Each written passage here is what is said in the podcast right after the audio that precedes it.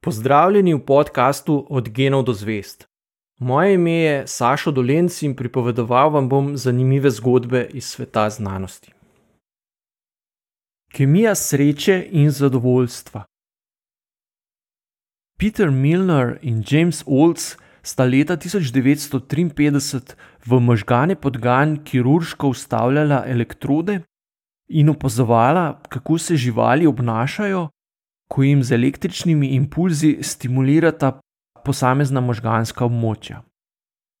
Podgane so po posegu okrevale že v nekaj dneh in se obnašale dokaj normalno, edina razlika je bila, da so jim iz glave štrlele žice.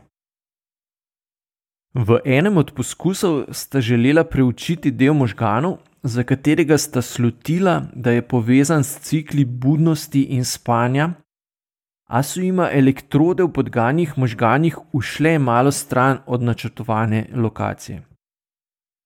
Sprva sta elektrode aktivirala, ko je podgana odšla v določen kot kletke, kasneje pa sta mehanizem spremenila, da je lahko podgana sama pritiskala na gumb in si preko elektrod v možgane pošiljala električne impulze.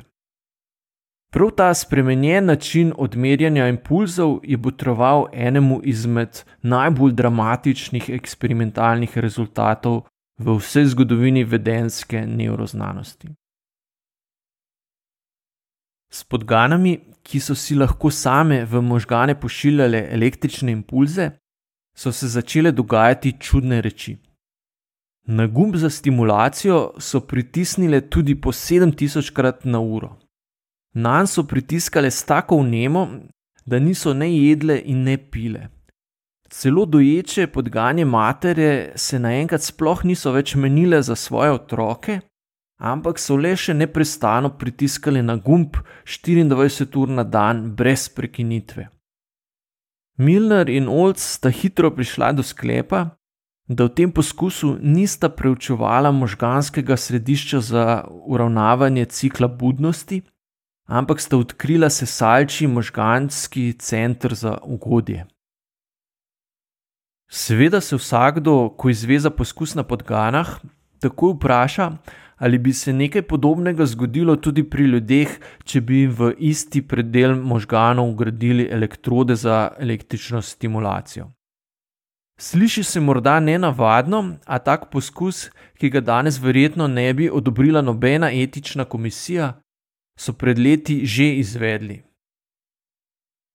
Neki ameriški psihiater je poskušal z ugrajevanjem elektrod globoko v možgane svojim pacijentom pomagati pri hujših oblikah depresije in šizofrenije. Leta 1972 je objavil članek, v katerem je opisal poskus, pri katerem je 24-letnemu moškemu ugradil elektrode na isto mesto kot predtem Milner in Olds pri podganah. Rezultat pri pacijentu, ki ga v članku poimenuje B19, je bil enako pretresljiv kot prej pri živalih. Ob stimuliranju možganov z ustavljenimi elektrodami je B19 občutil euforijo in vznesenost.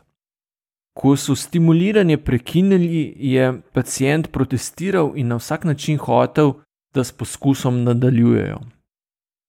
Podoben eksperiment so izvedli tudi pri ženski, ki je trpela za kroničnim občutkom bolečine.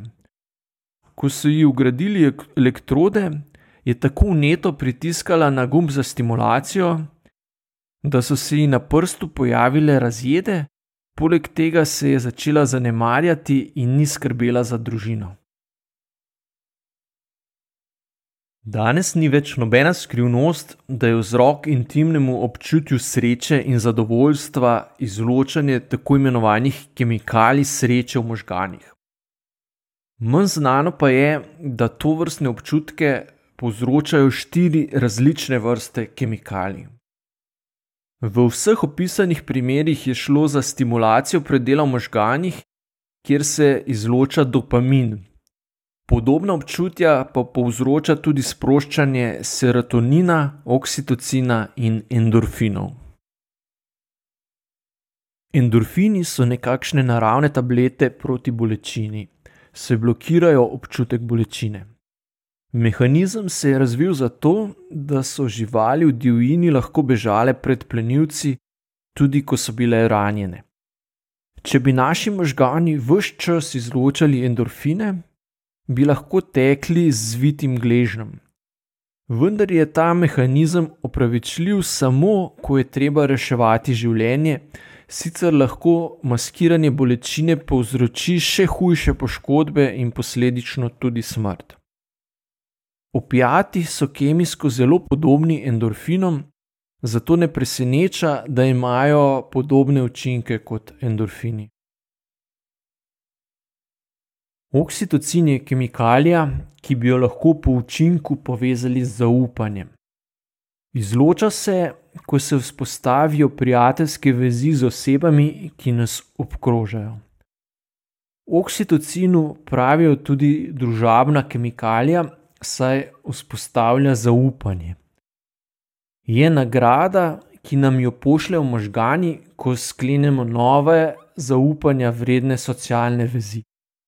Ista kemikalija se sprošča tudi med orgasmom in dojenjem.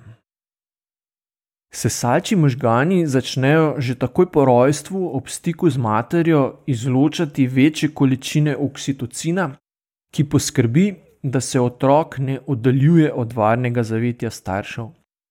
Ob odraščanju se navezanost na mamo pri sesalcih preoblikuje v navezanost na širšo skupino, naprimer na čredo, pri ljudeh pa na družino, narod, stranko, nogometni klub in podobne skupine, s katerimi se identificiramo. Za čredne živali je značilno, da začnejo, ko v njihovem vidnem polju ni vsaj ene živali iz iste črede, izločati kortizol, kemikalijo, ki se sprošča ob stresu in predstavlja nekakšno nasprotje kemikalijam sreče.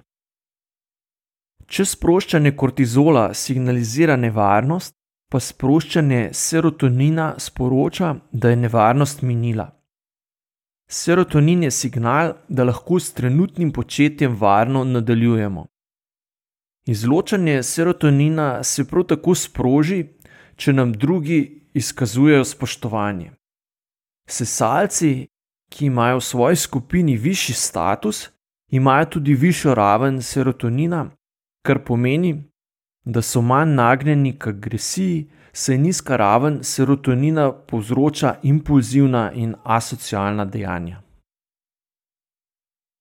Dopamin kot zadnja izmed štirih kemikalij sreče nas motivira, da se naprezamo, dokler ne dosežemo želenega cilja. Povzroča navdušenje v pričakovanju, da se nam bo zgodilo nekaj dobrega. Signalizira pričakovanje nagrade. Sproščanje dopamina je znak, da smo blizu ciljne črte. Dopamin spodbudi učenje, saj je namen njegovega izločanja tudi v tem, da si zapomnimo, kako smo do ugodja prišli. Najmočneje se namreč sprošča, ko nagrada preseže pričakovanja, a prav v dopaminskem sistemu se lahko razvijajo tudi odvisnosti. To je bil podcast Od genov do zvest. Moje ime je Saša Dolenc in z novo zgodbo se vam oglasim že k malu.